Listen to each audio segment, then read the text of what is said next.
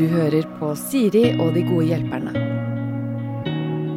Joakim Kleven og Marna Haugen er mine gode hjelpere denne gangen, når vi skal gjennom en bunke med fem problemer. I tilfelle rekkefølge. Begynner med eh, kort og enkelt problem her, eh, hvor det er en som eh, rett og slett lurer på om hun kan være venn med læreren sin. Hei, rett på sak. Jeg går på skole, jeg er 28 år, jente, gått her i to år. Greia er den at læreren min på 50 har kommet i konflikt med noen andre ansatte. Ikke alle liker henne. Hun er spesiell og kan oppfattes som streng, veldig ærlig og rett fram, men jeg digger henne, og jeg har supergod kjemi med henne. Jeg har ved flere anledninger sendt melding til denne læreren med skolerelaterte spørsmål, og hun har da ringt meg opp igjen på ettermiddagen, og flere ganger har hun begynt å gråte og snakke om seg selv, og hvor kjipt hun har det, og at hun ikke liker jobben sin. Hun har det åpenbart ikke bra, og mye av kritikken mot henne stemmer ikke, men er det innafor at hun deler det med eleven sin? Jeg syns ikke det er ubehagelig, men jeg lurer på hva dere tenker. Er det litt creepy å dra hjem til henne? Så det er tydeligvis da kommet en eller annen, det sier hun ikke, men det virker som det ligger en forespørsel der om ikke de skal begynne å omgås privat. Mm. Eh, og, og rett og slett bli venner. Da er det altså jente 28, læreren hennes 50. Jeg syns jo jente 28 høres skikkelig fin og snill og god ut, da. Ja. Men jeg syns det virker litt rart at du, eh, læreren ringer opp etter en skoleoppgave, og så begynner å brettlegge om hvor kjipt hun har det å gråte til eleven. Jeg har veldig sånn følelse av elev-lærer-forhold. Ja. Jeg synes kanskje, Hvis det er lov å si at jeg syns det er litt rart ja, men er det rart fordi det er noe gærent, eller er det rart bare fordi det er uvant? Det er nok eh, mer fordi det er uvant, kanskje. Ja. Jeg føler at eh, den læreren eh, kan virke som en person som ikke har så mange andre å prate med. Så Mm. liksom eh, at Mm. kanskje hun er så ensom eller så alene i det hun står i, at uh, hun egentlig bare grabber den sjansen hun får til å snakke Mm. med noen om det. Ja. Mm. Og, men det er klart, det er jo litt sånn uetisk at du bruker en elev til det. Mm. Men uh, for eleven sin del, så må det være opp til henne om hun har lyst til det eller ikke. Jeg dessverre hadde jeg antageligvis sett annerledes på dette problemet hvis det var en, en mann 50 som, uh, Yes. som har sagt sånn Du skal ikke komme hjem til meg og snakke om det. Så jeg tenkte sånn «Ja, Ikke gjør det. Og, der, og det er jo helt sikkert noen regler på sånn lærerelev har de lov. Mm. Men det er ikke, det er ikke snakk om et barn. Hun er 28, så hun er voksen. Læreren er 28. Nei, jeg er 50. Voksen. Og hvis de har god kjemi, så syns jeg det er dumt hvis vi skal lage, sette opp for mange sånn grenser for hva et vennskap skal være. Sånn, nei, det er for Mm. stor aldersforskjell. Nei, det er nei. på samme arbeidsplass. Altså, Nei, litt 28, ikke 14.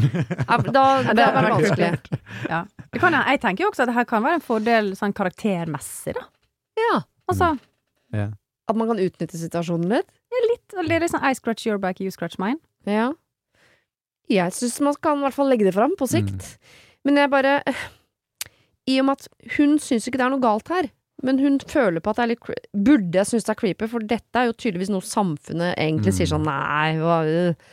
Men jeg tenker, hvis du er 28 har fått god kjemi på en på 50, og et vennskapelig tone, kan ikke de bare bli venner, da? Mm. Jeg syns det. Ja, men kanskje litt i settingene dere omgås med, kanskje lettere å møtes på en kafé, eller litt sånne ting som kanskje ikke er helt sånn eh, fredag kveld klokka ni med en gang, da, kanskje. Eller jeg vet ikke, om man kanskje Mm. trapp, gjør det litt sånn gradvis. For du må jo bli kjent med en person, og du veit jo kanskje ikke om det er en person som Det kan jo være en helt fantastisk person, hun læreren, eh, da, men det kan jo også være at det, kanskje det er en person som, siden hun klinsjer litt med en del på jobben, som har litt utfordringer, hun òg, og da er det litt skummelt hvis du skal invitere hun rett hjem til deg, for du, det er jo veldig intimt å komme hjem til noen. Ja, Mm. og så er det litt med hvorfor eh, vil den læreren være venn med denne her eleven? Er det fordi at eh, lærer 50 bare har så ekstremt stort behov for å snakke med noen om Mm. sine problem? Et vennskap skal jo gå begge veier. True. Ja, enig. Her er det veldig en som trenger den andre. Og det er noe med hvis øh, 28 her øh, blir venn med 50, bare for å støtte 50. Mm. Og så ser jeg for meg hvis, og Det som er annerledes i dette vennskapet enn andre vennskap, er jo at hvis de blir uvenner Da så kan du vi i hvert fall gå utover karakterene. Ja, ikke sant? Da er vi tilbake på det du kunne utnyttet det gode. Kanskje noe som Mm. virkelig som slår deg i bakhuet på sånn Og jeg er ikke venn med læreren min lenger, men hun skal jo være læreren min. Mm. Eh, det, akkurat den delen av det syns jeg er litt skummelt. Det er jo ofte hvis et menneske kommer i klinsj med veldig mange, så Det er er det jo ett Det ligger jo noe i det, Ja. tenker jeg. Men samtidig gi henne en sjanse, liksom. For det Mm. kan jo også hende at alle de andre på jobben har blitt, bare blitt enige med at hun på 50 er annerledes, rar, Mm. slitsom, streng. Sånn som sier fra på et eller annet. Og så har det gått litt gærent av gårde, mens hun på 28 liker hun på 50. Da Mm. må hun jo fortsette med det. Prøve, i hvert fall. Ja, og så så lenge det begge to finner et fint vennskap ut av det, så ja, jeg sier ja. Mm. Ja. Men ikke hjem, men på en kafé? Yes. Aktig? Ok. Så til deg, eh, 28. Eh, vi syns du skal fortsette å være venn med denne læreren, men vær, kanskje trå litt forsiktig. Mm. Eller litt sånn sakte fram. Enig. Gå på kafé. Gradvis. Se om vennskapet går begge veier, og vær litt forsiktig med hva dette, om det kan gå utover deg på noen måte. Mm. Hvis dere plutselig ikke er venner lenger. ja. Ikke bli dratt inn i dramaet. Nei, ikke bli dratt inn i drama. Ok, noe litt vanskeligere kanskje. Eksen heter dette problemet. Hei, Siri og dine fantastiske hjelpere. Det er da dere to. Marna og Joakim. Jeg har et problem som jeg hadde satt stor pris på om dere kunne granske litt i. Jeg håper rett i det. For ca. et år siden ble det slutt mellom meg og eksen. Kort bakgrunnshistorie på det forholdet er at vi var sammen i ca. tre år. Fantastisk fint forhold med masse kjærlighet.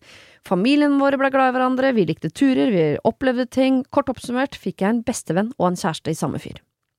Siste tre månedene ish av forholdet så begynte jeg dog å føle mer på vennskap enn noe romantisk. Følelsene mine ble borte, og jeg kunne kjenne på en ekkel følelse når han prøvde å kysse meg. Så etter mye grumling, grubling fram og tilbake, så ble det eneste riktige valget for meg å gjøre det slutt. Jeg har nå, litt over et år senere, fått meg en ny type. Fantastisk fin mann som kun vil mitt aller beste. Han er omsorgsfull, god og setter meg først. Han snakker om en fremtid sammen, og vi ønsker veldig mange av de samme tingene. Vi er super familieorienterte, vi kan le, tulle og ha det utrolig morsomt sammen. Men for å få avslutta denne lange mailen og komme til poenget, jeg klarer ikke å slutte å tenke på eksen. Jeg har det veldig bra med min nye kjæreste, men fra tid til annen tar jeg meg i å savne eksen og det vi hadde sammen. Føler på en måte som om ingenting kan slå det vi hadde. Men jeg mistet jo følelsene for han. Jeg blir ikke klok på dette, jeg. Kall meg hva dere vil. Hilsen fortvila jente 22. Oi. 22? 22, ja. Enig, høres eldre ut. Gud! Jeg Ja. trodde hun skulle liksom være sånn uh, Hun hadde mann Eller barn og båt og tjo og hei. Ja, enig. Vi kaller henne Eline. Eline. Ja. 22, girl! Ja, så det var. Hvis vi regner det ett år, og så tre års forhold, så, Så- var hun 18 da hun møtte Mm, 17 eller 18 når hun møtte 18-17, ja. Den Mm. første store kjærligheten, antageligvis. Mm. Men så de sier jo det at eh, den første kjærligheten du møter, eh, det er liksom eh, den store kjærligheten som dør ut av seg sjøl, Mm, som hvilket gjorde. mm. Den andre forholdet ditt, det er da det som knekker deg i livet. Oi, er det sant? Og det tredje forholdet, det er det beste. Er det sant? Jeg har Mhm. kun hatt det første. Så nå skal noen knekke meg. Grue deg til det neste, og Ja, det er- gleder deg til det han Ja, ja, der. ja, herregud, skal jeg bare få det innhørt, da? Nei, nei. Eh, nå ble det plutselig mitt problem. Men gud, ja, det der Hvordan er slutter man å tenke på eksen, da? Må, Ja. om, litt sånn som med din eh, Coca-Cola Zera-avhengighet. Må man slutte med det? Ja, nei, egentlig ikke. Kanskje hun skal um, snakke med eksen? Oh, Og så noen farlig. ganger så kan det, ja, men noen ganger så kan det være bare eh, illusjon, sant? Mm. Sant? Hjernen er jo litt lat, den, men den kjenner jo eksen veldig godt, og den Mm. veit jo veldig Og så den vil jo alltid sammenligne den nye personen med eksen. Så det er jo liksom dumt å, å sammenligne han med en person som du egentlig forlot fordi at du mista følelsene fra han. Ja. Så, men jeg er sikker på at hvis du hadde snakka med eksen sin, eller på en måte vært med han og erfart han på en eller annen måte som er innafor, da, så ville hun sikkert fort da oppdager bare Å ja, det var derfor jeg Mm. dro, liksom. Bare minne seg sjøl på at uh, det her er han vi glemte, av x antall grunner. Mm. Ja. Det er faktisk sant. Og så tenker jeg jo sånn Jeg vet ikke om det her er mannsperspektivet mitt som føler på det, men jeg tror nok jeg hadde syntes det hadde vært verre om man hadde gått rundt og eh, tenkt alle de tankene og 'å, det var fint med begge to', men det er noe med eksen jeg savner sånn sexen vi hadde og sånn. Skjønner du? Da Man husker jo det de bra sånn- tinga, sant? Ja, men hvis det har vært liksom det seksuelle Hun sitter jo og sier at det er vennskapelig, at det var litt derfor de gjorde slutt. For det, det er jo kanskje hun, hun savner vennen sin, da, virker det som hun eh, snakker om. Og det er jo det derre Kan det være venn med en eks og sånt? Og jeg vet ikke hvor åpen eh, kjæresten hennes som hun har nå, er til det. Men det er jo noe fint med å være glad i noen du har vært med, og sette pris på det man har bygd opp sammen. Mm. Så um, jeg syns ikke det, det er ille det hun føler, men så lenge hvis følelsene og det seksuelle og det derre jeg vil være kjæreste-greiene kommer fram, da hadde jeg jo valgt å ikke eh, oppsøke det. Ja. Vet dette kunne vært et fint venn, for det som skiller Man kan jo ha like sterke vennefølelser Mm. som man kan ha forelska-følelser. Hender jo jeg har truffet både jenter og gutter som jeg får en sånn følelse av som minner om forelskelse, men absolutt ikke lyst til å kysse vedkommende, men vil bare Mm. ha deg i livet mitt, for det er noe ved deg som gjør at jeg vil være sammen med deg hele tiden. Eh, men når hun får en ekkel følelse når han prøver å kysse henne, så tenker jeg sånn ok, den delen av det er borte, så dere er 100 bare Ja. vennskapelige følelser igjen. Og det er klart, sorgen over å miste en venn Den er jo vanskeligere egentlig å bli Mm. kvitt, fordi han har, han har jo ikke gjort noe galt som venn. Så kanskje, ja, hvis typen hennes nå er en uh, trygg fyr, Mm. så kunne det jo hende at dette er en fyr hun kunne hatt i livet sitt. Men jeg har også et lite mm, Kanskje en litt rar digresjon, men at eh, Ok, hun sier hun er 22 år gammel. Det hun har følt med den personen hun var sammen med, da var fra 17 til 20, da. Mm. Og, det jo, og da hun er 22, så er det det meste spennende hun har opplevd og gått på videregående til, og da sikkert bli russ eller hva enn, og så nå starte i, i ny jobb eller nye studier. Veldig mye av hennes starten av voksenlivet er assosierer hun med eksen. Ja. Så det er kanskje noe med det at noe som du føler har vært hele livet ditt, fordi jo yngre du er, jo mer føler du at de årene betyr så sinnssykt mye. At kanskje hun øh, savner de gode øyeblikkene veldig fordi det minner om den tiden med eksen. At det egentlig ikke nødvendigvis er kanskje bare eksen, men det er heller en reise hun hadde da, da. Og nå tenker jeg sånn på barndomskjæresten min. Ja. Mm, Og det er sånne fine minner. ja. Jo, men hvordan har du kommet dit, da? For jeg tenker at du skal jo øh, For Vi var- kan jo ikke råde henne til å slutte å tenke på han, for du tenker jo fortsatt på din første kjærlighet, men Ja, ja. som et godt minne. Han vil alltid ha en spesiell plass i hjertet mitt. Altså, Mm. det var kjempefine år, og vi var samboere, og, og det ble også slutt fordi at uh, vi vokste ifra hverandre, ikke sant? Mm. Men han er alltid en spesiell plass i hjertet mitt, og mamma savner han, og det er liksom Mm. men, uh, men jeg kan ikke sammenligne nye kjærester med han. Det, Nei. det går ikke. Nei, men tror du ikke Det gjør man litt nå, fordi man er så ung og ny, Yes. at man tenker sånn Å, Ja. det er ikke sånn som sist, betyr det at det er feil? Altså, Mm. det vil man jo gjøre med etter hvert. Hun må jo bare øh, skape liksom nye minner med han hun er sammen med nå. Og ikke bruke Jeg tenker at hun bruker så mye energi og krefter på å prøve å glemme eksen. Det, det går jo ikke. Kan hun Mm. ikke heller bruke halvparten av den energien på å bare godta at eksen er eksen, og at det er fine minner? At hun ikke er Det er ikke slemme tanker å tenke på eksen. Glemmer du noen gang en eks? Ja, man gjør jo ikke det. Gjør ikke det? Nei. Nei. Men det når du sier at hun skal, kan oppsøke han, tenker dere at hun skal involvere nåværende kjæreste i det, eller si fra? Mm. Har, man lov, har hun lov til å gå og drikke kaffe med eksen uten å si noe til kjæresten? Nei, jeg tror, nei, jeg tror ikke vi gjør det. Dropp det. Ja, Det var dårlig råd fra min side. Og hun skal ikke møte han i det hele tatt lenger? Nei. Nei. Nei. Hva med at de kan være venner, da? Har vi droppa det òg? Har du noe kontakt med denne, eh, han barndomskjæresten din? Eh, nei, men Nei. jeg skulle gjerne hatt det. Ja. Men så er det det der, ok, hvis du Hint, møter hint. på fest ring meg, ring meg, jeg er ferdig om en time. Finnes snart på Tinder. Jo, men eh, det er vel lov å spørre kjæresten om sånn Hva tenker du Men det er veldig vanskelig å legge fram, da. Men, Men nå har ikke hun fest, da. sagt at hun har lyst til å ha han som venn i livet sitt heller. da. Mm. Det hun Nei. sier, er at hun sammenligner nåværende kjæreste med han, og på en måte er redd for at han ikke måler opp. Jeg tenker at hun er såpass ung at det, Mm. har, det, det er liksom for tidlig til å velge mm, livspartner ennå.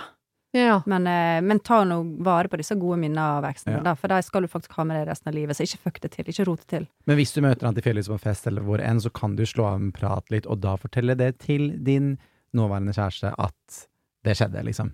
Ja, Jeg traff han, det var Jeg hyggelig. han. Det var hyggelig, må jeg si. Ja, det Mm. må være lov. Ja, det selvfølgelig. Sånne ting skal gutta Mm, tåle, og yes. jenter. Jeg ville bare tatt med meg sånn, ok, eh, du gjør ikke noe galt når du tenker på han, for det er ofte at det, man tror det er noen sånne mystiske følelser fordi man føler at det er galt når man tenker, og bare kos deg med det hyggelige Mm. minnet om at eksen var en fin fyr. Prøv å minne deg selv på at du uh, syntes det var ekkelt når han prøvde å kysse deg på slutten der. Det syns jeg du skal også huske når du tenker på Mm. eksen. Og når hun skriver eh, 'det føles på en måte som om ingenting kan slå det vi hadde', det er helt riktig. Altså, ikke gå og vent på at han du er sammen med nå skal De følelsene skal slå de gamle følelsene. Mm. For det, det var den første Yes. store kjærligheten som du opplevde opplevde inngangen til voksenlivet med og sånn. Du klarer ikke å slå det. Ja. Du må bare finne noe annet. Så nei, du kommer aldri til å bli klok på det. Du må bare fortsette å, å kose deg med de gode minnene om eksen. Og skape noen nye med han da sammen òg. Og heldig du er som har gode følelser rundt din første eks. Ja, ikke minst. Mm. Ja, noen ganger er det nesten lettere å ha en sånn eks man bare hater Ja. trynet hans, så håper jeg Mm. aldri treffer han igjen. For da er det så mye lettere å gå videre til Ja. neste. Ja. Men sånn er det ikke for eh, Eline, som vi valgte å kalle henne. Og det skal jeg være fornøyd med. Ja. Har du et problem og trenger hjelp, ja, så sender du det til meg. Da bruker du Siri, alfakrøll, radionorge.no. Nå skal vi over til det problemet hvor eh, jeg antagelig burde ha sjekka noe regelverk. Ok. Mm, Det kan hende dere kan reglene på dette, Ja. så skal vi bare snakke ut fra mave og lever og det vi har. Ok. Hei, flotte dere, dere kan kalle meg Ida, jeg trenger hjelp. Jeg og min mann har prøvd å bli gravid i to år, uten hell. Det viser seg at jeg har en sykdom som gjør det svært vanskelig på naturlig vis å bli gravid, så derfor så må vi gjennom IVF, altså prøverør. Vi skal starte med IVF i januar 2023, og det både gruer og gleder vi oss til. Her kommer problemet. Jeg har vært i samme jobb i fem år, og har de siste to årene aktivt søkt andre jobber innenfor et annet felt, og eh, har i denne perioden også tatt en videreutdanning innenfor dette feltet for å øke sjansene mine. Nå har jeg endelig kommet videre i en prosess, eh, og har allerede hatt to intervjurunder. Jeg har ikke sagt noe om om barneønsket mitt og IVF på jobbintervjuene, og har veldig dårlig samvittighet på grunn av dette. Det er jo ikke lov å diskriminere kvinner i en ansettelsesprosess på grunn av graviditet eller barn, eh, men sånt skjer jo hele tiden allikevel, dessverre. Så hva gjør jeg? Forteller jeg potensiell arbeidsgiver om dette i tredje og siste intervjurunde og satser på at det går bra? Eh, etter jeg potensielt har fått jobben, er det da jeg skal fortelle det? Skal jeg ikke si noe i det hele tatt før jeg eventuelt er tolv uker gravid? Kan jeg, jeg må legge til at det er masse hormoner og medisiner i perioden før egguttak, og man blir ofte sykemeldt i tre til fire dager fra egguttak til innsettelse. Aner jo ikke om det tar to måneder å lykkes med IVF, ett år, kanskje aldri. Oppstarten med IVF er som sagt januar 2023, og hvis jeg får jobben, så starter jeg den enten januar eller februar 2023, altså ganske samtidig, da. Mm. Vær så snill, hjelp meg med dette moralske dilemmaet. Jeg vil jo ikke utsette forsøk på barn som vi så inderlig ønsker, men jeg vil heller ikke la drømmejobben gå fra meg. Ei heller få et dårlig forhold til arbeidsgiver fordi jeg er utelatt å gi viktig informasjon. Hjelp! De er i slutten av 20-åra begge to. Altså, uh, hun vil ha barn, hun vil ha jobb, og et godt forhold til den nye arbeidsplassen. Og hun sier jo hva det er, Vi trengte ikke å sjekke reglene, for hun sier det jo. Hun har- Hun for, forplikter seg ikke til å si noe om dette til arbeidsgiver. Nei. Mm. Men hun kjenner på det. Det er forståelig at hun kjenner på det, men jeg føler jo ikke at hun skal måtte uh, unngå å ville få den jobben, eller gjøre det hun virkelig drømmer om.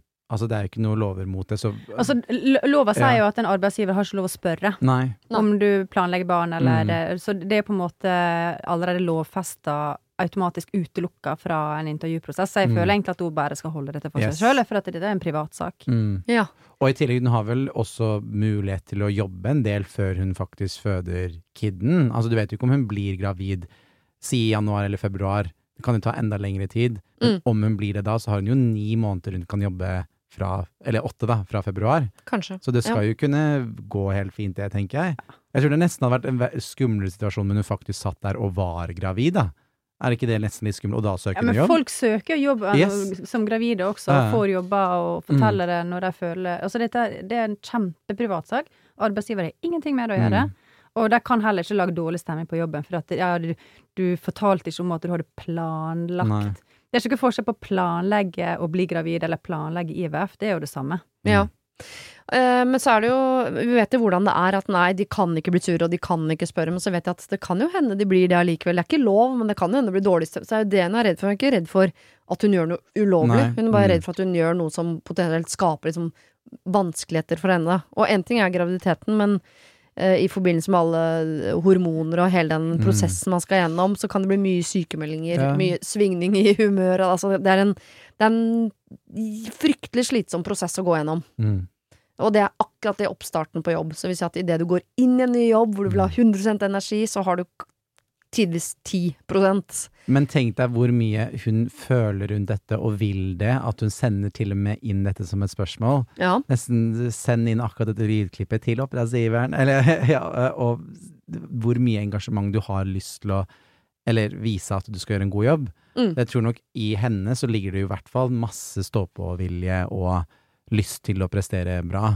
Mm. Jeg, tror jeg føler ikke at det er en person som burde engste seg så mye, da. Men nå har jeg aldri vært gravid og vet ikke hvordan den prosessen er følelsesmessig og alt det, men Hva? Hva? Ja. Hva nå? Men eh, ja, nei, jeg, jeg syns hun ikke burde være noe bekymret. Og arbeidsgiver vet jo også at eh, man skal ikke lage dårlig stemning over Nei. familieforøkelse generelt. Det er jo liksom en sånn veldig norsk greie. At Mm. vi skal heie fram de gravide, og vi skal tilrettelegge, og lovverket er jo egentlig ganske tydelig. Så det kan hende at Jeg skjønner at hun føler på det. Jeg har sikkert, jeg har sikkert vært full av Irriterende, følelser men hadde hun følt på det sjøl, Ja, ja, ja. Klart det. Men så altså, hvis Ida er i slutten av 20-åra, så har nok eh, arbeidsgiver på denne nye arbeidsplassen tatt med i beregning at dette er en ansatt som på et eller annet tidspunkt antageligvis kommer til å prøve å få barn. Statistisk Jo. sett så Absolutt. på et eller annet tidspunkt. Så jeg tror det den der IVF-behandlingen som gjør at hun kanskje Det er derfor jeg tenker at hvis hun først får jobben, da, Mm. så kan man jo være åpen med arbeidsgiver om at jeg skal inn i en prosess nå som I hvert fall hvis hun kjenner på ja, jeg, Ok, nei, jeg trekker tilbake. Jeg ville ha venta hvis jeg hadde kjent på kroppen at dette var slitsomt. Her kommer jeg til å, å trenge å, å slappe av mer enn uh, ellers. Uh, jeg blir syk de tre-fire første dagene, eller ikke sant. Så ville jeg vært åpen med arbeidsgiver på hvilken prosess jeg var i. At akkurat i denne perioden Mm. så prøver vi å få barn. IVF, det krever dette, dette, dette. Satt arbeidsgiveren inn i det? Man trenger kanskje ikke si at det er IVF, da. man kan jo bare si at jeg har noen medisinske utfordringer som gjør at det er sant? Ja. Man har jo ikke opplysningsplikt til Jeg vil egentlig bare gi henne litt velsignelse til å holde litt ting privat, fordi Ja. at det, det er ikke noe feil i det. Og det ingen skal komme det og ta det på det, fordi at eh, Ja. Man skal tørre å stå litt på sine egne krav også, da. Jeg er helt enig, forplikter ingenting. Trenger ikke ha dårlig samvittighet, men jeg tenker hvis hun går rundt og føler at hun holder noe hemmelig som hadde vært deilig å bare si, så kan hun også si det, for hun har jo lov til å både eh, begynne å jobbe og begynne på prøver samtidig. Mm. Så det er jo også noe arbeidsgiveren hennes må si sånn, så flott for dere. Kan du se an den nye sjefen litt, da? Ja. Først må du få jobben. Ja, Mm. Ikke si noe før du får jobben. Nei. Absolutt ikke. Alle enig? Enig. Helt enig. Enig. Ja. Og så Så når hun du har fått den, Så må du se an hva slags type er den sjefen. Det kan jo være at det arbeidsmiljøet er slik at det er, det er sånn big happy family, og her snakker vi om alt. Ja. Da er det null stress. Mm. så ikke lag problemer rundt dette før det eventuelt blir et problem. Ja. Se det an, skaff deg drømmejobben, begynn med IVF. Hvis det byr på problemer etter hvert, så kan du jo velge om du vil være åpen med arbeidsgiveren din da, eller om du venter til den dagen du faktisk må være åpen Mm. om det. Preach. Preach. Ok, her er det en som er det var så fint sagt. Vi har snakket om eh, ekser, som man jo kan velge å tenke på og ta med seg videre i hodet sitt, Mm. så, eller la være. Eh, vanskeligere er det når det er eh, en venn. Eh, jeg har hatt de siste åtte årene en venninne som omtaler oss som bestiser. Noe jeg de første årene også sa at vi var. Etter at jeg ble gravid, eh, og de hadde prøvd noen måneder, merket jeg at relasjonen ble annerledes. Hun var blid og god, planla til dels babyshower, men som aldri ble noe av, og mye mer. På en annen side begynte jeg å merke at hun trakk seg unna, og det gikk ikke mer enn et par måneder før de også ble gravide. Vi hadde det fint, men jeg merket at hun kanskje ubevisst ønsket å skape litt splid. Det vet jeg med sikkerhet at mannen hennes ønsker. Jeg ville rimelig kjapt etter nummer én bli gravid igjen, men utsatte det nå, til nå nylig. Hun kom meg i forkjøpet og har eh, heiet eh, det hele frem. Det jeg fikk høre var endelig, nå er jeg først! Eh, nå blir det motsatt denne gangen. Tydelig at hun ser på det hele som en slags konkurranse. Andre ting hun også gjør, er å lyve så det renner av henne. Det er mange hendelser jeg aldri har snakket med henne om, men øh, hun venter på nok informasjon til at hun kan henge seg på og late som om jeg har snakket med henne om dette fra før. Det kan være spontane ferieturer som ikke er snappet, eller postet på Instaface eller noe annet, til at jeg ikke har fått gå på do på tre dager. Nå nylig sa hun at øh, jeg var misunnelig på henne, og at jeg hadde sagt at jeg anså graviditet og alt annet som en konkurranse. Hun er beryktet for å være konkurranseinnstilt, men jeg er komplett motsatt. Hun tar alt jeg sier om jeg sier noe til henne, og tvister det rundt, og jeg tenker at hun trenger å gjøre dette for å hevde seg selv. Det er mye her som er vanskelig å skjønne, men det her er den som Ja, ja. irriterer seg over bestevenninna si nå inne Ja. i granskauen. Jeg vil kutte henne ut, men barna våre leker så godt sammen. Hjelp! Hilsen Margrethe. Åh, vanskelig. Slitsomt. Slitsomt. Ok, du har en god venn, barna Ja. deres leker mye sammen, dere har vært bestevenninner. Ja. Men det høres ikke ut som Margrethe gjør noe annet enn å tenke at bestevenninna hennes er jævlig irriterende. Og det høres ut som de, for å være helt ærlig, baksnakker hverandre litt. Ja, begge to. Det høres ut som et litt slitsomt vennskap, dette her. Ja. Ja, men så Jeg likte ikke å høre det at hun anklager uh, At denne her venninna anklager hun som sender inn problemet for å være konkurranseperson, når det er motsatt. Altså, det er jo projisering. Man dytter jo Mm. sitt eget problem over en annen person. Kanskje venninnen til Margrethe syns at Margrethe er konkurranseperson, at hun bare misforstår øh, situasjonen. Og tenker Mm. sånn, men det er du som konkurrerer med meg. Nei, det er du som konkurrerer Ja, med meg. Og så er det kanskje ingen, eller begge. Å ja, Siri vil gjerne hjelpe til. Det er nok med en Siri her. Ja, det er til Mer enn nok med en Siri. som skal konkurrere. Ja, det er. Der har vi konkurransekone. Jeg Jeg hadde er kalkulator, konkurransemenneske, Marna. Ikke slutt å sende inn spørsmål til Siri og de gode hjelperne. Herregud, du har sånn stemme. Siri-stemme? Det er sånn data... Datastemme. Kanskje okay. jeg har det? vi sporer er, egentlig. Ja. Mm. Nei, men jeg syns eh, hun um, Å gud, jeg tenker, hvor toxic miljø er det ikke å ha barna rundt det her uansett, da? Jeg tenker sånn, få kidsa vekk. Bor de nær hverandre? Sa hun noe om det? Sikkert. Tipper det. Mm. Mm. Men det, og det virker ikke som hun har så gode følelser rundt denne mannen til venninne. Det virker som liksom, de voksne liker ikke hverandre, Mm. men barn er veldig gode venner. Og vanligvis tenker jeg sånn, barn må gjerne leke sammen, de voksne trenger ikke. Men hvis barna leker sammen fordi det var de voksne som i utgangspunktet var venner, så er det jo litt vanskelig å trekke seg unna uten å dra med seg ungene i dragesuget, da. Ja, men unger får nye venner hele tida. Det er null stress for deg. De Men, men det er jo slitsomt. eh, Jeg kjenner at jeg hadde sikkert ville trukket meg litt og litt unna sjøl, jeg, altså. Ja. Det høres i hvert fall ut som et forhold du ikke har lyst til å ha noe mer med, så gradvis fade ut.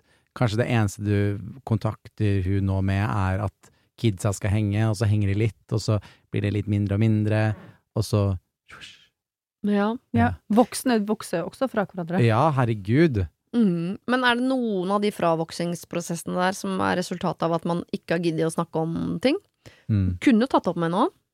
Eller tror ikke jeg har turt. Hvis du er en sånn person som tvister på ting og drar inn Og dette med lyging også, er jo liksom, det er jo mange røde flagg her. Ja. Ja. Så du tenker ikke at Margrethe kan snakke med venninnen sin om sånn Du, tenker du at det er en konkurranse dette med å få barn, eller Ja, hvis du føler så om en relasjon da er noe du skal ta vare på eller ikke, så tenker jeg kanskje test dem litt, da. mm. Hvis ikke du sender så mye meldinger, du ikke et eller annet, ok, er det en venninne som i hvert fall vil- vise og vil ha en relasjon med deg? Det kan jo være at begge tenker det samme. Eller så er hun kanskje hun venninna di, ja ok, hun er fæl på noen områder, men kanskje hun er litt god også, da, Mm. og har en kjærlighet for deg, og vil være mye sammen, og hvis dere da hvis hun da ser det, kanskje hun da ser på venninna litt slakkere, og så kanskje kan ta opp litt grann ting, trenger ikke ta opp alt, men litt den følelsen at jeg har du ikke følt at vi har hatt det litt sånn rart i det siste, og så er ikke det bare bra å være ærlig og åpen med venninna si? Jo, at man ikke trenger å konfrontere, men heller ta det fra sånn sårt perspektiv. Så Mm. sånn, nå føler jeg at den relasjonen vår er litt sånn Jeg vet ikke, men det er noe her som er litt annerledes, eller hva Ja. tenker du? Og så legge ballen over i hennes, eh, og se hva hun sier. Og så kommer du vei med det. Skeptisk, Marna? Ja, Marna ja, kjempeskeptisk. ja, ja. Jeg sitter og tenker veldig på Mm. sånn som dette med den lyginga, da. Og nå kanskje hun skulle visst at hun venter til neste gang hun, hun lyger, for det kommer Mm. hun helt sikkert til å gjøre.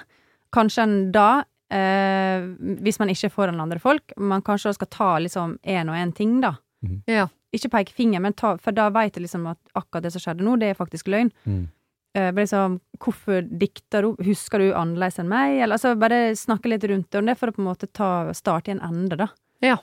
Kanskje det kan være Bare for å se egentlig måle litt reaksjonen og sånn. For er da får du virkelig høre, for hvis hun da sier at det, eh, Hvis hun står på løgnen sin, da, da er hun gæren. Mm. Ja. Shit. Men jeg tenker at, uh, at barna fortsatt kan eh, Jeg vet ikke hvor små de er, men de, de barna kan jo fortsatt å leke sammen selv om Mm. de foreldrene ikke er Det tror jeg man vil erfare uansett. Hvis man er venninner med barn på ca. samme alder, så kan man ikke forvente at de barna vil leke sammen for bestandig. Skal de voksne slutte å leke sammen nå, da? Altså, Mm. jeg tenker at barnas vennskap og de voksnes vennskap er to separate ting. Enig. Um, så jeg ville ikke tenkt at jeg må være venn med henne fordi barnet mitt er venn med barnet hennes. Mm. De finner hverandre hvis de vil, og hvis ikke de finner hverandre, så er ikke det så farlig heller. Men, men hvis ikke du liker venninnen din, så må du enten konfrontere henne med det i en løgn eller hvor som helst. Så må du jo fade ut. Ja, og Ja. ghoste venninna si. Ghoste litt, Man kan ghoste venner òg. Ja. Og hvis de bor på et lite sted, dette prøver jeg å lære barna mine Du må bare klare å omgås alle mennesker. Du trenger ikke å Mm. like alle i rommet til enhver tid. Vi bor på et lite sted, så du må, du må bare liksom regne med å spille fotball, gå på fest, alt mulig med masse mennesker og like kanskje 70% av det. Det betyr Mm. ikke at du liksom må gjøre noe nummer ut av de siste 30 Vi trenger ikke slå opp vennskapet, liksom. Nei, bare Nei. la de være der. Og Ja. jeg tenker Margrethe kan jo også sånn, du kan jo bare ha venninnen din du, det, bare, du må bare vite at hun betyr ikke Mm. så mye for meg. Ja. Hun ljuger, hun finner på ting, hun er ikke viktig for meg, det er ikke en god relasjon. Men vi fins i hverandres nærhet, liksom. Lett å si, men ta den bare for det det er. Ja. Kanskje. Ja. Ja. Og så ikke inviter deg på. Nei, riktig. Inviter noen andre. Fordi du må, for det være en tradisjon og bla, bla, bla. Herregud, who cares? Nei. Altså, få henne ut i periferien, Mm. tenker jeg. Jeg ser så for meg at det var egentlig Maren som sendte inn, og så tenker jeg på deres forhold, dere to. Så var det sånn derre Ja, men det kan jo være at vi ikke lyver, da! Og dere bare hadde vært sånn der, Gøy måte å ta åpning på. Ah, Nei. Jeg har en venninne, la oss kalle henne for Siri. Ja. Hun ljuger, hun Ja. syns jeg Nå er det podkast.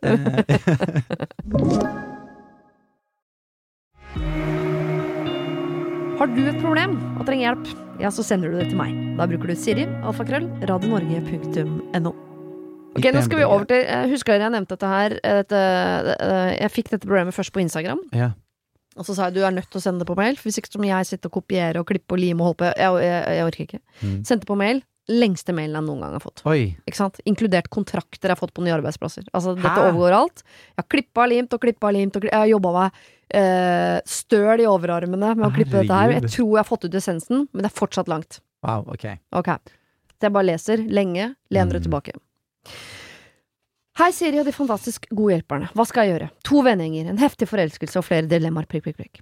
Allerede på barneskolen falt jeg pladask for en eldre fyr, kall han Morten, som er jeg veldig god venn med. Dette vennskapet mellom oss varte i mange år før han etter hvert flyttet, men forelskelsen min, den fortsatte. Aldri i løpet av disse årene gjorde jeg noe med han, men jeg var stormende forelsket, og alle venninnene mine var klar over dette. Selv tror jeg at han på et tidspunkt må ha hatt noen følelser for meg også, da jeg opplevde han som flørtete, og dama hans på et tidspunkt virket betydelig sjalu på meg.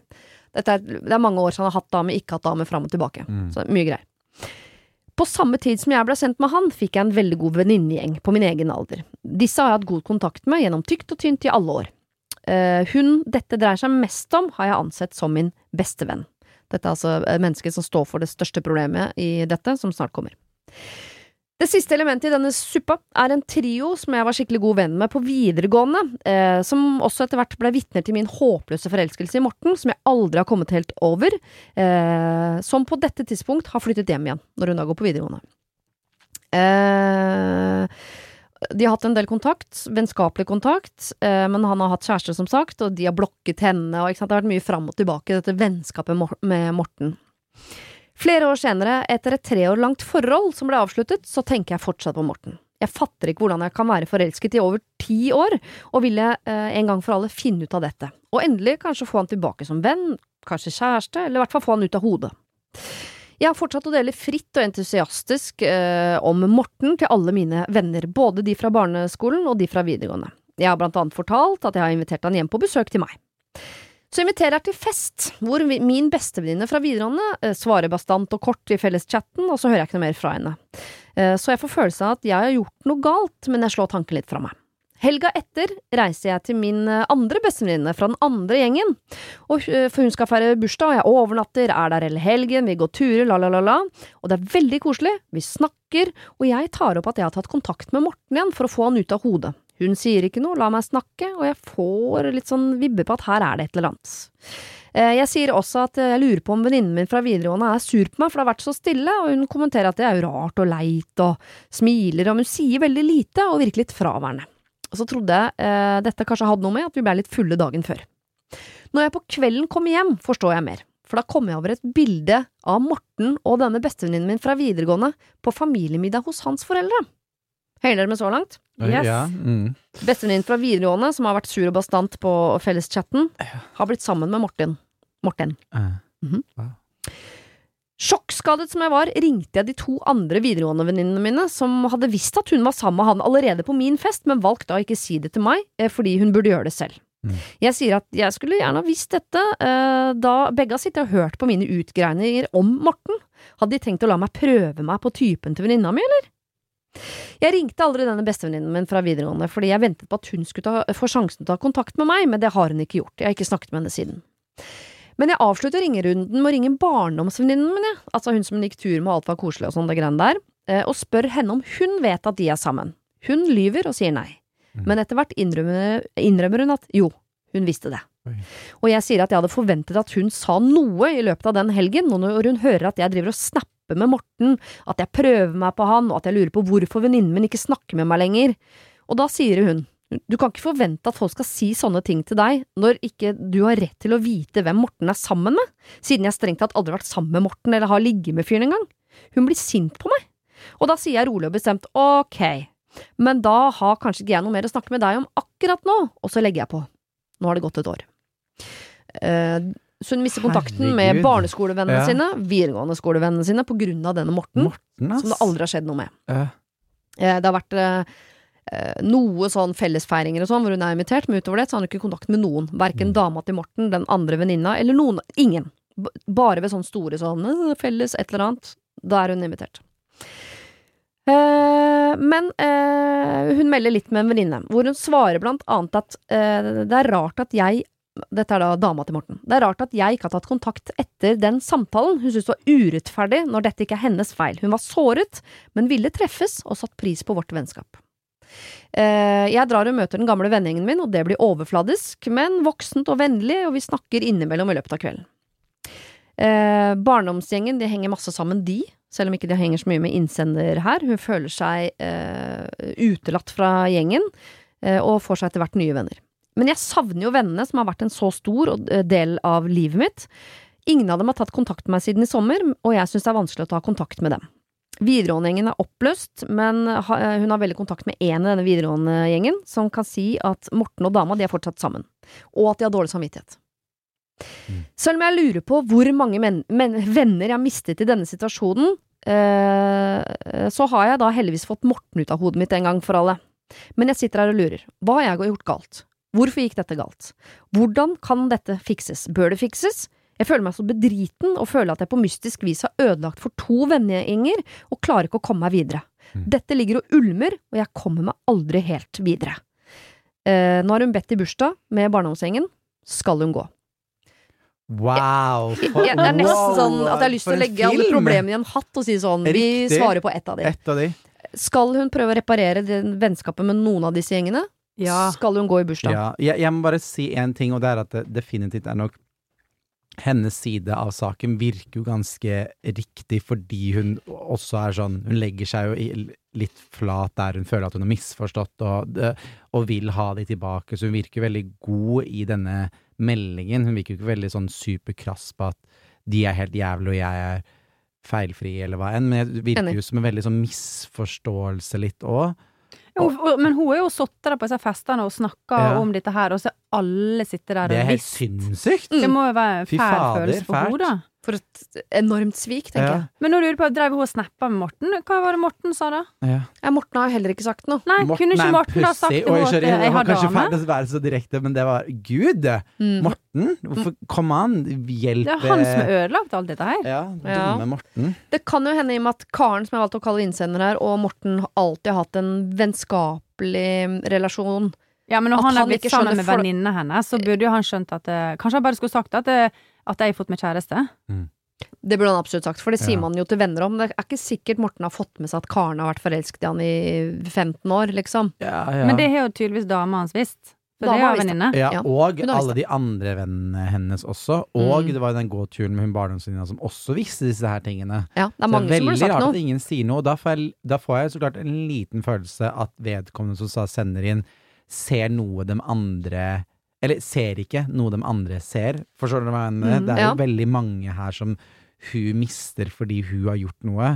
Så hun må gå litt i seg selv om situasjoner hun har gjort som kanskje ikke har vært helt Si riktig, da har hun kanskje fått hint om at det var noe, og så har hun valgt å ikke se det. Du vet, Hvem vet? Jeg syns egentlig at denne vennegjengen burde egentlig ha tatt bedre vare på karen. Mm. Ja. Ja, jeg er helt enig. Jeg syns synd på hun. Sparker hun tredjevenninna litt i sida, litt sånn uh, jeg tenker, Skjerp deg, liksom. Mm -hmm. Her, er det. Her er det mange som kanskje ikke har gjort noe ulovlig, men veldig mange som har vært konfliktsky mennesker og ikke turt å ta tak i ting. Karen har ikke gjort noe galt, men hun mm. har jo vært kime til at det har blitt litt vanskelig for de andre, fordi de egentlig står i en situasjon hvor de merker at oi, nå burde vi si fra om noe, men vi liker ikke å si fra om noe, så det må vi ikke gjøre. Og så tenker jeg at hele, alle de vennskapene her har blitt litt sånn betente fordi det er noe de burde snakke om, men ingen vil snakke om det. Og tenk, alt dette, alt dette har Morten fått til, da, på en ja. måte. Og det er sånn, fy fader, det hadde vært irritert på om uh, typen min hadde holdt på sånn. Og det egentlig å drive og snappe med en jente som er god venn, som da Kom an, man flørter og pynter litt og spør hva skal du i kveld, da? Man er jo litt flørtende, hun eh, Var det Karen? Mm, ja. ja. antageligvis. Hun mm. sier at hun flørter med han. Hun ja, bedt han hjem. Jeg syns jo det er veldig rart å drive og fortsette med det, og da Nei, jeg syns det Ja. Og når hun snakker om at hun snapper med han til venninnene sine, ja. så vil jo da Mortens nye dame vite om den dialogen mm. her, og da har jo hun så mange anledninger til å si det til han at du veit at venninna mi egentlig er litt sånn mm. Ja. Hun tror kanskje at dere flørter, eller Skummelt som hun må ha tenkt litt, det kan jo være at vennegjengen har snakket litt her og der bak hennes rygg og ser eller føler noe annet som ikke hun føler. Fordi der syns jeg jo synd på henne, hva enn det skulle vært. så er det noe hun kanskje ikke ser som de andre mener at de ser. Om det dem ser er riktig eller ikke, det er en helt annen sak, men det er jo noe her som gjør at hun blir liksom frastøtt av vennene sine én etter én. Og det ser jeg veldig fint at du sier, fordi um, Karen bor jo ikke der hvor resten av gjengen bor, men både barndomsgjengen og videregående-gjengen oh, bor jo på samme sted, så de har hatt all mulighet til å gjøre om Karen til fiende. Jeg tror de Mm. har funnet på, eller tatt tak i et eller annet ved Karen, for det er jo et eller annet ved Karen som er irriterende, som Mm. alle andre mennesker. Tatt tak i et eller annet ved Karen som er irriterende, eller et eller annet som de har haussa opp. Mm. Fordi jo lenger ut i liksom periferien de får skvist henne, eller jo mer de får gjort om henne til den the bad guy, liksom, jo lettere er det for de å bare bli sammen med Morten uten å si noe. De, de, altså de, Ja. de prøver sikkert bare å lage seg en verden hvor de slipper å ta tak i ting, da. Ja, og en verden der det er litt deilig å drive og snakke dritt om en eller annen person. Da. Kanskje mye bare lettere å gjøre om Karen til idioten, liksom. Ja, og nå vil jo Morten, Morten, begynne å bli med på mm. festene også. Ja. Yes. Da er, jeg skjønner det. Og det er noen familiegreier inni her, og hun Ja, ene i den ene ved gjengen er altså, så mye meldinger da? Ja, så det er mye enklere- Perioden, eller? Ja, gud, bra ikke Karen er lenger. Altså. Karen, har du sett hvordan den Karen er? Kanskje det er sånn bitcher, da? Ja, ja. Sorry. Sånn skikkelig sånn der, du, er sånn, Kanskje de bor et lite sted og i tillegg og må gossip og ha noe å snakke om. Mm. Uff. Nei, jeg syns, jeg syns veldig synd på hun, fordi du hører jo måten Skal jeg gjøre kontakt? Hva er det jeg Liksom, jeg vil høre om det. Hun virkelig vil jo gjerne Hun er veldig åpen. Mm. Det syns jeg var veldig fin måten hun skrev den meldingen på. Til deg, da. Hva, hun lurer på hva hun har gjort. Jeg tenker sånn, Det er veldig fristende å si sånn fuck de, gå Mm. Ja. videre. Finn, Mm. For hun skriver også jeg, har- jeg har ikke vanskeligheter med å få meg venner, så det er ikke sånn at jeg er Nei. alene. Uh, Men samtidig, det er oppveksten din. Det har vært barndomsvenninnene Ja. dine. Ikke sant? Så det er jo mye bra her også. mm, Uh, en hel historikk. Mm. Og alle de spørsmålene hun har på sånn, hva har jeg gjort galt egentlig? Det kan jo hende at hun ikke får ro før hun finner ut av hva det de andre mener at jeg har Ja. gjort galt. Og jeg syns de slipper litt billig unna hvis Karen nå bare går videre og lar de Mm. eh, ikke vinne, men da eier jo de sannheten om, om hele den historien Mm. der. Jeg synes, hvis Karen har baller til det, så syns jeg hun skal gå inn i det. Yes. Det er Være konfronterende, det. streng. Det kan jo være mye sjalusi det òg. Hvis hun er en person som har lett å få venner Kanskje bare, se for meg et scenario at de er sånn Jeg vet ikke hvorfor jeg forestiller meg at de bor i en sånn småby, og hun er litt blitt sånn, sånn storbyjente nå, har et egentlig fab liv og har det gøy, og mange nye venner og sånt, og så er det liksom er de litt bitre, sure For hun venninna, hun må jo ha møtt Morten på et tidspunkt også. Ja. Jeg tror Morten alltid har vært i perif altså, Han har alltid vært her, liksom, sammen med de, de altså, Jeg tror alle kjenner til Morten. Mm. Morten også, det er noen familiegreier inne i bildet. Ja. Slange du er. Herregud. Mannfolk, ass. Ja. Jeg skjønner at hun som har blitt sammen med Morten, at hun syns det er vanskelig å ringe karen og si sånn Du vet han, du har vært forelska i 15 år, jeg har blitt sammen med han. Og det har hun Mm. ikke noe meldeplikt på heller, men som venninne burde hun vel sørga for at denne informasjonen kom fram på en eller annen måte. Litt før, helst. Ja. Ja. Men de andre venninnene som har visst eh, som også kanskje ikke tenker sånn 'jeg må ringe Karen og si det', men idet Karen sier sånn 'jeg har fått litt kontakt med Morten igjen, og vi snapper, jeg tenker skal invitere han hjem til meg og finne ut en gang for alle, er det oss, liksom? Og alle venninnene bare 'mm, kjempegod idé'. Ja, Men jeg vil si en detalj som vi har glemt, som, det var jo det at hun svarte så krass i chatten. Var det ikke det? Et eller annet eh, Det var der at hun som ble sammen med han Morten, Ja. svarte krass i den chatten. Som om hun skulle forvente at hun visste det. Ja. And how can you know, når ingen har fortalt det? Så, så da syns jeg det er dårlig gjort. Da må du på en måte prøve å forstå den personen som sender den meldingen, hvis du får det svaret. Det er derfor du må finne ut av det, for Ja. tenk deg hvis det ligger én misforståelse her, Yes. et år tilbake i tid, som Karen ikke har fått med seg, hvor Tenk hvis alle vennene hennes tror at Karen vet at de er sammen, for eksempel. Ja. Da sånn, Ja. Karen er jo gæren, hun driver og flørter med typen til Tenk, altså Mm. Hun må finne ut av det. Hvor, Ja. hvor er kimen til hele denne Mm. konflikten? Det kan jo også hende at Karen har snakka så mye om han Morten at eh, vennene er litt liksom lei av at hun snakker om denne fantasikjæresten Mm. sin. Det kan godt hende. Men Men, Men hun, hun ikke jo at de bare vi, vi dropper henne fullstendig. Mm. Ja, Den er ikke fin. Men la da hun som snakker så mye om fantasikjæresten sin, få vite om at faktisk den fantasikjæresten din Har en er ekte kjæreste. Ja, Ja. en ekte kjæreste, og det er en du kjenner veldig godt. Hvis du er altså, gode venner, si fra om sånt. Ja, gud. Ja. Rip the bandage off. Mm. Du har tydeligvis to gjenger her. Sikkert noen fine folk inni der, men som ikke er spesielt gode på å være venn. I Mm. hvert fall ikke mot deg, Karen. Men jeg syns du, for å komme deg videre i livet, Mm. skal finne ut av hva dette er for noe. Hun må snakke om elefanten i rommet. Ja, hva, hva, er det, hva er det dere Mm. For nå sitter jeg med følelsen av at jeg har gjort noe galt. Ja, da må jeg vite hva det er. Hva er det Mm. jeg har gjort galt? Og så i etterkant av det ta en eh, sånn Vil jeg ha det i livet mitt eller ikke? Vil jeg kanskje bare ha det i periferien eller Yes. ikke? Eller skal jeg gå videre? Men jeg ville, før jeg gikk videre jeg må, Du må vite hva du går videre fra. Mm. Men vet du hva, du har, her sitter du, Karen, med egentlig en sånn Du har en uh, spillefilm da, som ikke er helt ferdig. Du må ha slutten. For Ja. det er, du har Mhm. kanskje manus til en litt dårlig eh, søndagsfilm på TV3, men du må i hvert fall ha slutten. Det kan jo også være en idé hvis Karen da forteller disse her vennegjengene at uh, dere skal bare vite folkens, at jeg er helt over han Morten. Jeg har ingen problem med han. Jeg har ikke noe problem med at de to er sammen. Jeg skjønner greia, liksom. Så Mm. det, det, skal, det blir ikke ubehagelig for min del. Mm. Den kan være greit å bare etablere, for det er jo sånn for fremtida kommer til å bli uansett. Veldig bra. Mm. Ja, jeg driter i Morten, men jeg har syns det er kjipt å miste ha mista alle dere. det dere. var noe som bare har skjedd her som bare ble veldig, veldig rart, og synd at jeg mistet dere på grunn av det. At det sakte, men sikkert har sklidd fra dere. Ja. Og det føler jeg er grunnen til på grunn av det og det og det hun har sagt, da. Ja. Mm. Og så ville jeg vært ganske sånn det er ikke sikkert, De har helt sikkert sagt en del ting om deg, Karen, bak din rygg.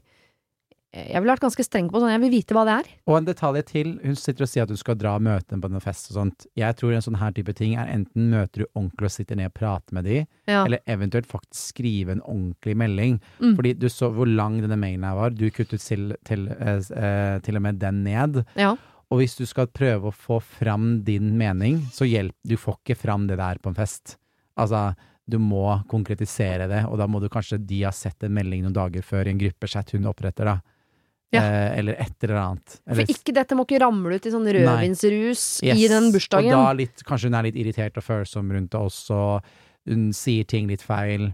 Jeg tror ikke det er dumt, egentlig, og jeg har vært i noen ganger situasjoner med venner at jeg har vært sånn, ok, men dette her var det jeg følte den kvelden var litt kjipt, og så forteller jeg det, og så øh, hatt, ja, et eksempel på det faktisk for et halvt år siden, en veldig, veldig nær venninne, og så følte jeg at den kvelden var hun det og det da, som jeg følte var litt feil. Det den venninna mi gjør da, som var, er fantastisk, er å ringe meg opp og forklare det, og unnskylde seg for det hun følte, men forklarte hvorfor det var sånn og sånn. Ja. Og da tenker jeg, det var så sinnssykt bra. Da tenkte jeg, fy fader, det gjør at vi er bare enda sterkere, vi. Ja. Fordi vi får Jeg fikk konkretisert det jeg følte. Hun sa det var bra jeg skrev inn på melding, for hun kjenner meg at jeg kan gjerne prate litt rundt grøten og bli sånn voff, masse ord. At jeg heller hadde konkretisert det. Og hun fikk da ringt meg opp med en gang og sagt unnskyld og forklart hvorfor det var sånn det var. Ja. Så, um, og hvis ikke, da, hvis hun, hun har mistet disse vennene fra før av, hvis ikke de klarer å tåle det, vel, da er de bare de sure, kjipe damene, da. Ja. Ja, men hun har ikke noe å tape på å der Nei, du har der. ingenting å tape. Men Siste kortet, Skal hun eh, snakke med de før denne festen? På tar jeg bare av bordet, det er ikke et alternativ. Mm. Før festen, eller gå på festen, holde ut, ta det opp med de etter festen. Ja. Du kan jo, se viben på hvordan folk er med henne på festen, da. Det kan Ja. vi faktisk gjøre, men da må du virkelig, vil jeg anbefale, å holde det der inne. For hvis ikke de har giddet å tatt opp med deg, så tror jeg det blir feil at uh, du som en mot mange flere skal begynne å ta opp noe som du ikke helt vet svaret på. Det er rødvin inne i bildet. Jeg tror i hvert fall før festen i hvert fall burde la vite at hun ikke har noe hard feelings overfor eh, Morten og uh, dama. Uh, starte med det. Ja. Mm. Og så har vi skjønt at dette her er en ganske konfliktsky gjeng, så sjansen for at dette her kommer til å gå ned i rødvinflaska, er, er stor. Ja. Mm. Så kanskje snakk med én venninne før festen. ja. Prøv å finne ut Ja, av litt og ting. la ryktet spre seg. Ja, og så Ja. prøv å ha en hyggelig fest, Både ja og nei. og så eventuelt ta resten dagen etter. For det virker jo som en kjip ryktegjeng, da. Det må jeg bare si. Ja, Mm, veldig vanskelig dilemma. veldig vanskelig. Men Karen ikke la de slippe unna med det. det er, Nei, det er, få det mitt. Ikke la de slippe unna Ja. med at de har oppført seg dårlig overfor deg. Mm, For kanskje de tror at de har gjort noe riktig, og at du har gjort noe gærent. Og da fortjener du å vite hva det er. yes. Amen. Den, den mørke delen av meg har lyst til å være med på den festen. Ja, og jeg òg. Ja. Jeg vet ikke om jeg har lyst til å være flue på veggen, eller om jeg har lyst til å være med og krangle, eller noe. Jeg bare kjenner at det, en, en eller annen form for tilstedeværelse mm. har jeg behov for. Shit, altså, jeg vil være Morten, jeg. Ah. Dere, én om gangen. Nei, ja, jeg, Jeg tror Morten Karen, er den siste personen jeg ville vært. Nei, jeg ville ikke vært han. uh, Bitch. Karen, som jeg kaller deg, dette må vi ha en oppdatering på. Yes. Hvordan gikk dette? Hva gjorde du? Eh, Hva viste seg at var liksom roten til konflikt? Ja. Eh, Send, mailadressen min har du, eh, eller send meg det på Instagram, eller hva det måtte være. Dette- Virkelig, dette må vi vite. vi må vite det. Ja, dette må vi vite. må vite det. Eh, Marna og Joakim, det har vært eh, fortreffelig å ha dere her. Det har vært veldig veldig koselig. Føler vi har hjulpet en bunke med folk. og lykke til med pornoserie Takk. Og resten av huset, selv om jeg vet at du hater å pusse opp. Si fra hvis du trenger hjelp. Jeg elsker det. Og da kan jeg ta det på ordet. Ja, ja, ja. Det var det. Husk å sende ditt problem til siri at radionorge.no om du vil ha hjelp. Denne podkasten er produsert av Klynge for Bauer.